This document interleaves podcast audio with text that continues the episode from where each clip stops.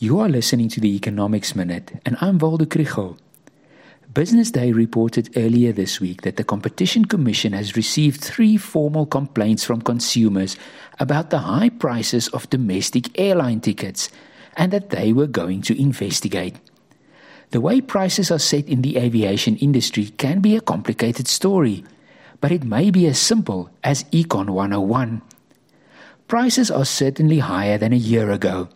A quick Google search shows that a one way ticket from OR Tambo to Cape Town International next Saturday can cost anything between 2,000 and 4,500 Rand. The report quotes an aviation analyst who says that airlines make fewer cheap tickets available per flight to maximize their profits. The Airline Association argues that prices depend on factors such as the scale of the airline, the composition of the fleet of aircraft, fixed and variable costs, and their target market.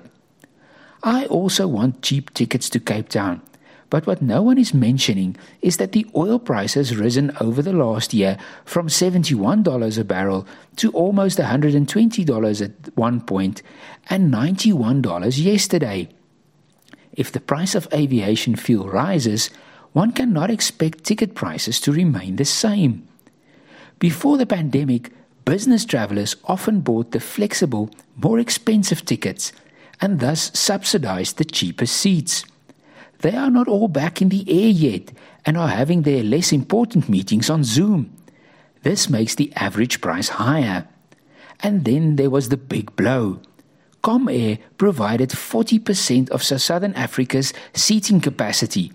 And although other airlines are now expanding into this market, there are far fewer seats available than a year ago. In Economics 1, we would say that the supply curve has shifted to the left. Fewer seats are offered, and then the price has to increase.